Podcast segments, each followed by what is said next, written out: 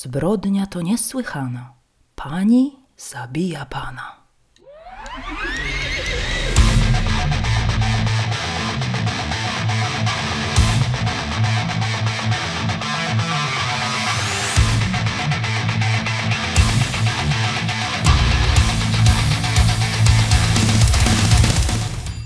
Siemaneczko. Dzisiaj zaserwuję Wam odcinek kryminalny.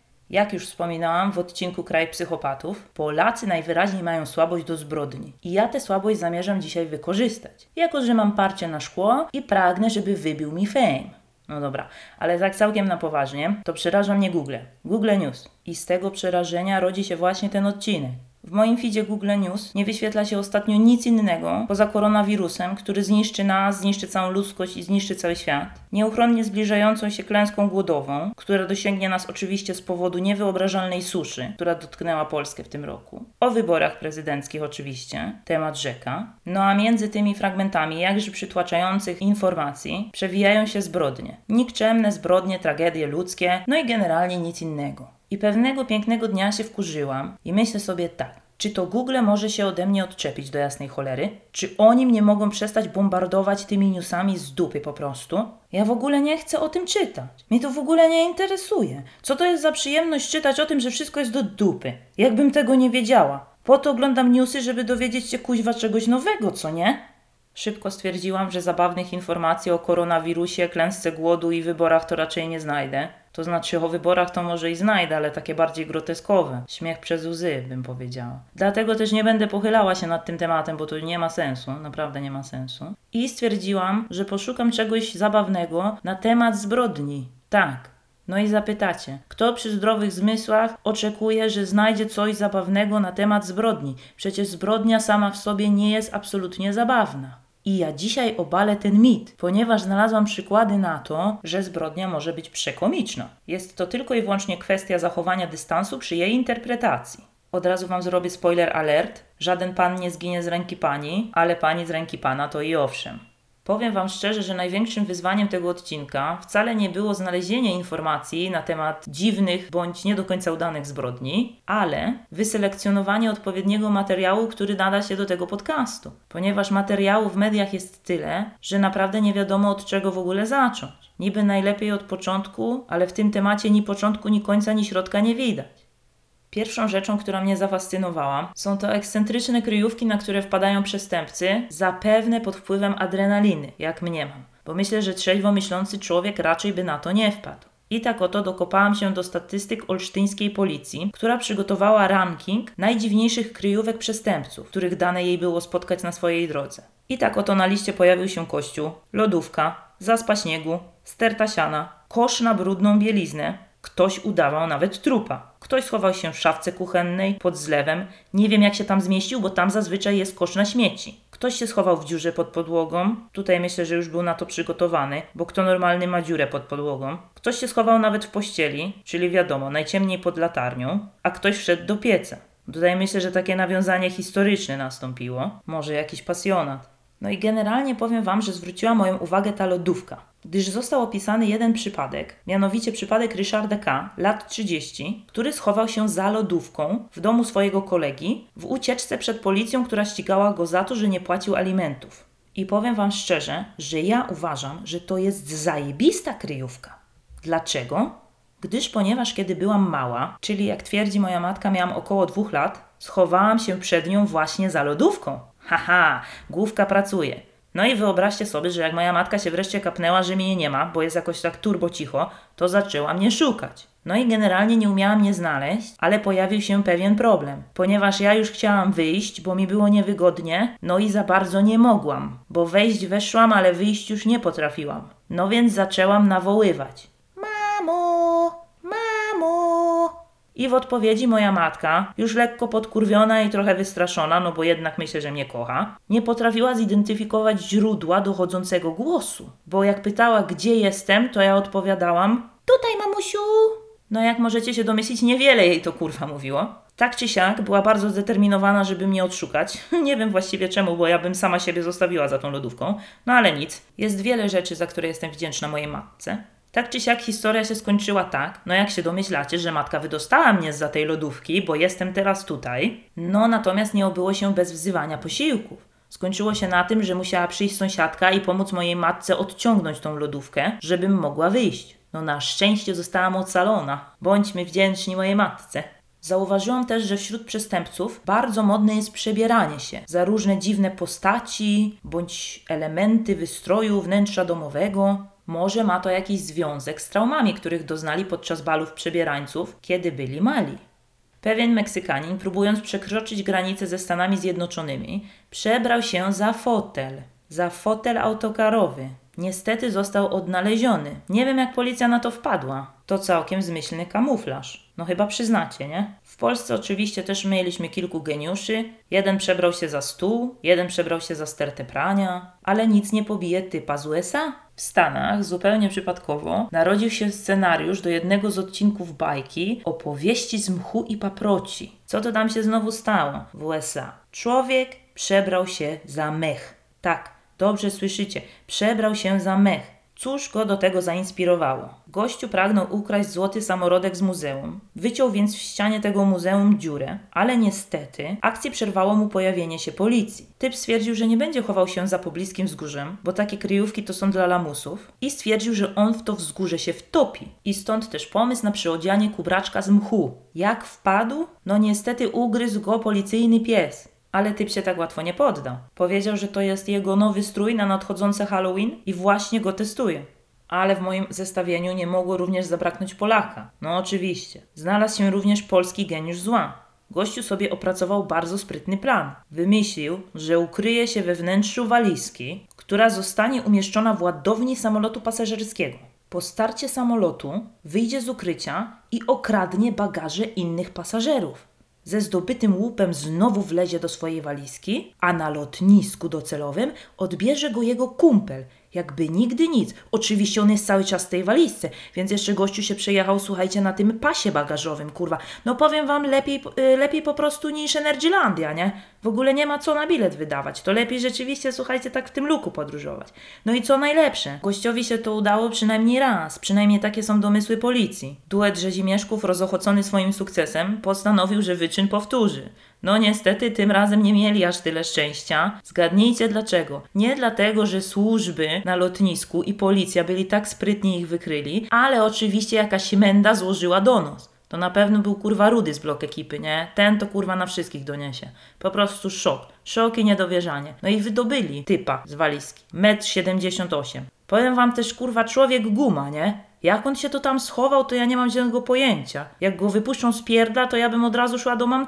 Tam go na bank wezmą. Będzie w finale. No dobrze, ale kryjówki kryjówkami. Jest też masa wyczynów, które same w sobie zasługują na uznanie. I tak na przykład transport zwłok. Wiadomo, że w tej sprawie najlepiej skontaktować się z zakładem pogrzebowym Bytom, ale nie w każdym kraju ludzie mają tyle szczęścia, żeby podobny zakład posiadać. I tak oto we Francji pewien przebiegły pan nieumyślnie stworzył scenariusz do kolejnego odcinka pamiętników z wakacji. Wybrał się z żoną i z dwójką dzieci na wakacje, tam zamordował swoją żonę, spakował jej zwłoki do walizki i ruszył w podróż do domu. I taki oto piękny obrazek się przed nami rysuje. Pusta autostrada, stronę zachodzącego słońca. Dzieci wesoło gaworzące na tylnym siedzeniu, a w bagażniku walizka, a w niej zwłoki matki. A tak na marginesie, no to powiem wam, że dzieci musiały być turbo mocno związane z matką, skoro w ogóle się jakby, że tak powiem, nie przejęły tym, że jej nie ma. Znaczy, no w sumie to była, obecna ciałem, ale duchem to już nie bardzo. Jak się okazuje, na podobny pomysł wpadł gościu w Wielkiej Brytanii, z tym, że on poszedł w wersję raczej niskobudżetową, olał te całe ceregiele z wakacjami, wydatki na benzynę, oldschoolowym sposobem, udusił swoją byłą żonę, a jej ciało zapakował do walizki. Przyciągnął ją tylko i wyłącznie kilkaset metrów, albo była ciężka, albo miał to po prostu w dupie, albo kółka w walizce nie były kauczukowe, bo wszyscy wiedzą, że na plastikach się gorzej ciągnie, i zostawił te zwłoki tak na pastwę losu na rogu ulicy, przy której znajdował się dom, w którym tej okrutnej zbrodni dokonał. I bardzo rozbawił mnie komentarz w artykule, że policja wpadła na trop, gdy jeden z mieszkańców znalazł walizkę ze zwłokami. Myślę, że trzeba mieć bardzo otwarty umysł, żeby uznać, że zwłoki to jest trop, a nie dowód zbrodni. Płynie z tego taka nauka, że cudze chwalicie, a swego nie znacie. Widać, brytyjska policja staje przed wyzwaniami znacznie większymi niż nasi stróże prawa. No i radzi sobie jak na załączonym obrazku. Temat kreatywnych sposobów na transport zwłok przejawia się również w kolejnej historii, którą chciałam się z Wami podzielić. Otóż pewien rosyjski historyk wybrał się na romantyczny spacer nad rzeką z rękami swojej poćwiartowanej kochanki w plecaczku. Plecaczek wraz z zawartością miał zostać zatopiony w rzece, no i to się poniekąd udało, ale zatopił się również historyk. Będąc lekko pod wpływem, zamachnął się plecaczkiem, no i zamiotło nim kurwa jak szatan, nie? To już nawet Chuck Norris z półobrotu by tak nie przewalił. Plecaczek poszybował w rzeki Toń, a zaraz za plecaczkiem poszybował sam historyk. Nie obawiajcie się, przynajmniej dla jednego z bohaterów ta historia nie kończy się tragicznie. No niestety, jak już wiecie, kochanka została poćwiartowana, więc jej ocalić się nie dało. Natomiast wyłowiono historyka. Jak się okazało, historyk był człowiekiem z planem. Najpierw chciał pozbyć się zwłok, a później chciał popełnić publicznie samobójstwo przebrany za Napoleona. To jest absolutnie nowy level parcia na szkło. Prawnik historyka twierdzi, że mógł on działać pod wpływem silnego stresu. Mnie się wydaje, że mógł on działać pod wpływem wysokiego stężenia promili w organizmie. No ale zaufajmy prawnikowi. Znalazłam też informację o seryjnym mordercy kobiet z lat 70., który miał bardzo ciekawy sposób na palowanie na swoje ofiary. Otóż gościu między jednym morderstwem a drugim wystąpił w amerykańskim odpowiedniku randki w ciemno i co najlepsze wygrał. Wybrała go pewna nauczycielka i udała się z nim na randkę. Na szczęście jej nie zabił, bo ponoć się na nim poznała. I to jest właśnie dowód na to, że wygląd to nie wszystko. Liczy się wnętrze. Znalazłam też wersję krainy lodu dla dorosłych. Gościu opróżniał mieszkanie swojej zmarłej matki i znalazł w nim lodówkę zaklejoną taśmą izolacyjną. I jak odkleił tę taśmę, to w lodówce znalazł ludzkie zwłoki w zaawansowanym stadium rozkładu. Jaki z tego morał? Jeżeli coś jest zaklejone taśmą izolacyjną, to znak, że nie należy tego otwierać. A ciekawość to pierwszy stopień do piekła. Ale jeżeli znowu o lodówce mowa, to jak byłam kilka miesięcy temu u moich rodziców, to postanowiłam zejść na dół do piwnicy, bo miałam tam milion turboważnych rzeczy, które musiałam ze sobą zabrać. I w owej piwnicy znalazłam również lodówkę. Lodówka już jest tak stara, że nie musi być nawet podłączona do prądu, żeby być zimna jak zwłoki, ale to nieistotne. Oczywiście moja nieposkromiona ciekawość nie pozwoliła mi przejść obok niej obojętnie, a zatem otworzyłam drzwi. Nie, nie były zaklejone taśmą izolacyjną. Na tyle rozumu to jeszcze w głowie mam. Na szczęście nie znalazłam w niej nic, ale powiem szczerze, że mnie poniekąd zaniepokoiła. Zapytałam o to matkę, a ona standardowo zrzuciła winę na ojca. Powiedziała, że on po prostu nie chce jej stamtąd wynieść, a ona to już ma w dupie, bo nie będzie się z nim przekomarzać. Przyszedł ojciec, no i pytam, po co im ta lodówka? Na co ojciec? Jeszcze się może do czegoś przydać. No może i może. Zgadniesz jak nie wiesz? Jak widać, lodówkę można wykorzystać do wielu rzeczy. No i jak się okazuje, śmiercionośnym narzędziem może być również seks. I nie tylko dlatego, że można się dzięki niemu nabawić różnych chorób wenerycznych oraz zajść w ciążę, ale dosłownie można zginąć. I na ten przykład brazylijska kobieta bluszcz w odwecie za to, że mąż nie chciał dać jej rozwodu, wtarła w swoje okolice intymne nieznanego pochodzenia truciznę i namawiała tegoż męża do uprawiania seksu oralnego. Pan był sprytny i bardzo szybko zorientował się, że coś jest nie tak, gdyż ponieważ kobietę zdradził dziwny zapach. Po tej chwili suspensu nastąpił nieoczekiwany zwrot akcji. Kobieta źle się poczuła i mąż musiał ją zawieźć do szpitala. Trucicielkę odratowano, a trucizna była ponoć tak silna, że mogła zabić i ją i męża. No tak, a skoro dotarliśmy już za wielką wodę, to nie pozostaje nam nic innego, jak przenieść się do USA, krainy fast foodem i absurdem płynącej. Jak przeczytałam o tej zbrodni, to od razu do głowy przyszła mi pieśń strudzonego renifera, z miodowych lat oczywiście.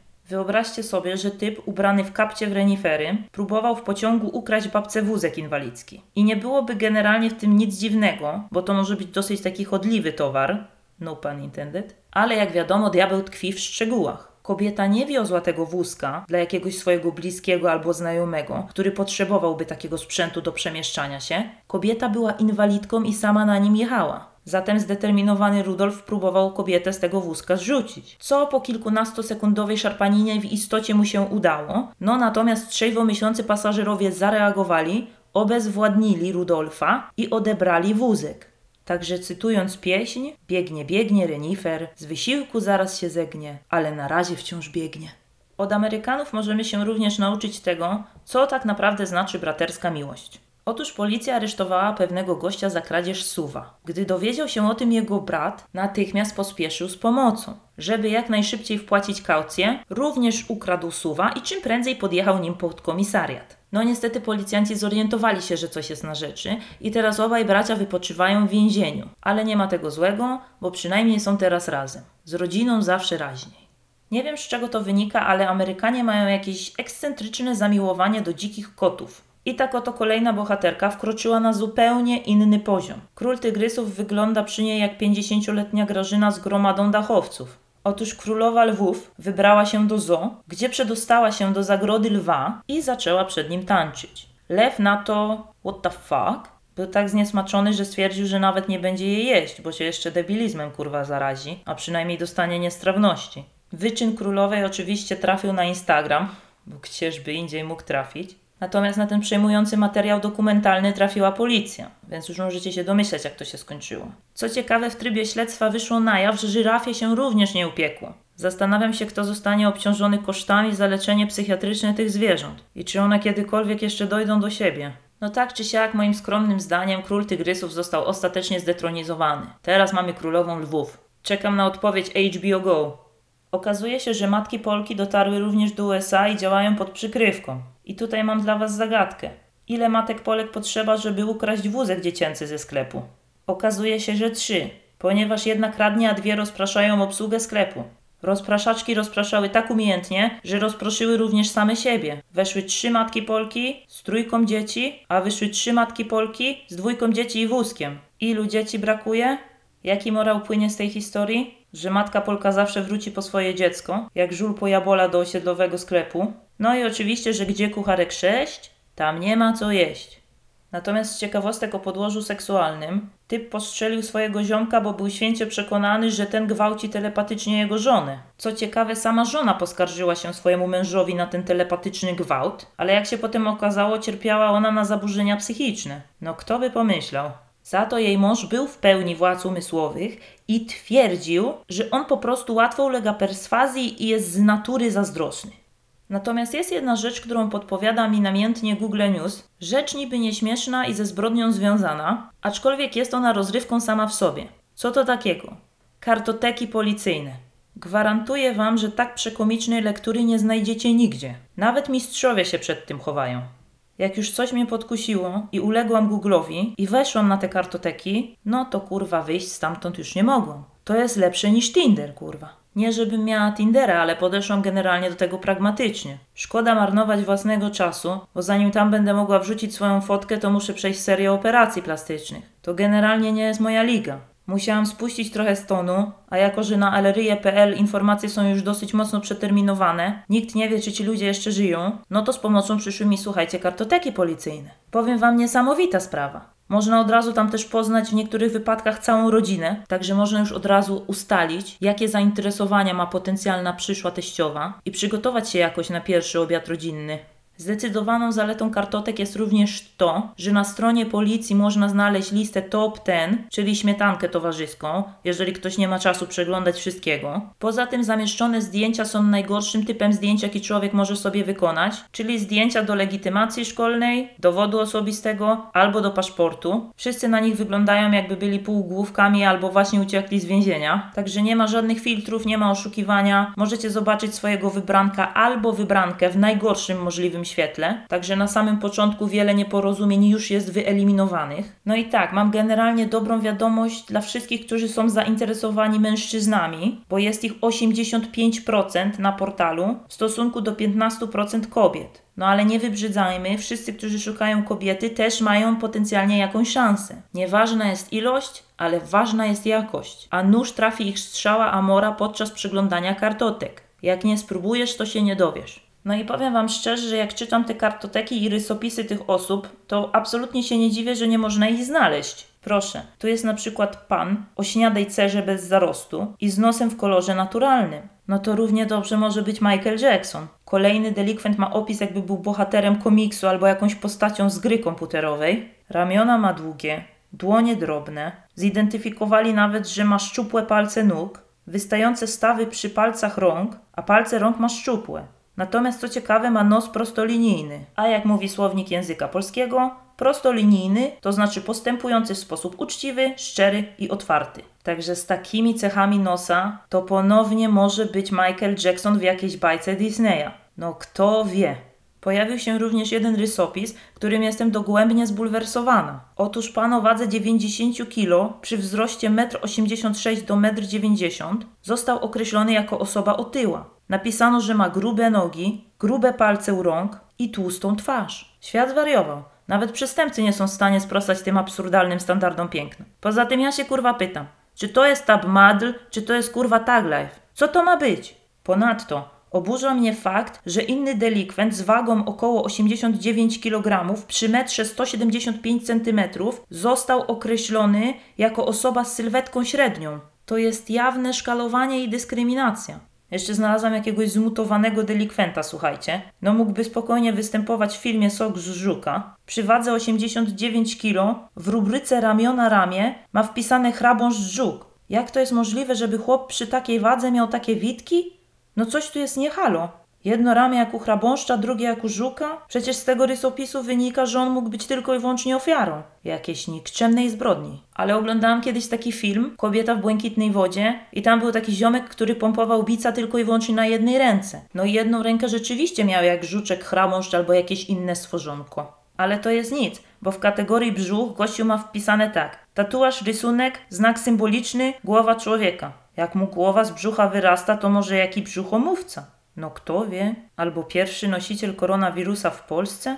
Natomiast w kategorii klatka piersiowa znajduje się taka oto informacja. Tatuaż, kompozycja rysunkowa. Napis, wyraz, cyfra, napis, wyraz, cyfra, napis, wyraz, cyfra, godło, herb. Że tak powiem, łomatko bosko, a co tutaj się stanęło? Jeżeli ten rysopis jest pisany pewnego rodzaju szyfrem, to obawiam się, że będziemy go w stanie rozwikłać tylko i wyłącznie dzięki wykładzinie z krakowskiego komisariatu, gdzie przebywał typ ubrany w piżamę. No i oczywiście nie omieszkam się Wam pochwalić, że moje poszukiwania męża zakończyły się sukcesem. Na początku moją uwagę przykuł typ z trądzikiem młodzieńczym, blizną na łuku brwiowym i deformacją palców. Już myślałam, że to miłość od pierwszego wejrzenia, ale potem pojawił się on. Przedramiona, blizna po ranie ciętej, ramiona, tatuaże, łopatki, tatuaże, pająk, tatuaże, plecy, tatuaże, podbrzusze, tatuaże, śródpiersie, tatuaże, tatuaże, pierś, postać potwora. Podejrzewam, że postać potwora może być równie dobrze portretem ukochanej. Mam nadzieję, że to była ukochana. A jeżeli nie, to wiecie co mówią. Nie ma takiego wagoniku, którego nie da się odczepić. Przechodząc do rysopisu. Łydki. Napis, wyraz, cyfra, słońce. Oczy. Wpadnięte. Więc jest szansa, że słabo widzi, co zwiększa moje szanse. Nadgarstki. Blizna pooperacyjna. No ja jestem kupiona w całości, nie? Mnie już w ogóle nawet nie trzeba przekonywać. Ale nie myślcie, że jestem taka bezmyślna i nieodpowiedzialna. Oczywiście, że sprawdziłam, za co go poszukują. Okazało się, że tylko i wyłącznie za kradzież. Może to i nie jest jakieś życiowe osiągnięcie, ale z drugiej strony Robin Hood też wkradł i został bohaterem. Nakręcili nawet o nim film. Także tego. Nie pozostaje mi nic innego, jak polecić kartoteki policyjne jako pierwszorzędną aplikację randkową. Na dodatek jest bezpłatna, a za wskazanie miejsca pobytu wybranka może Was jeszcze spotkać nagroda. Całkiem intratny interesik. A zatem, trzymajcie się tam cieplutko i nie ustawajcie w walce z ostrym cieniem mgły. Yo, yo, yo.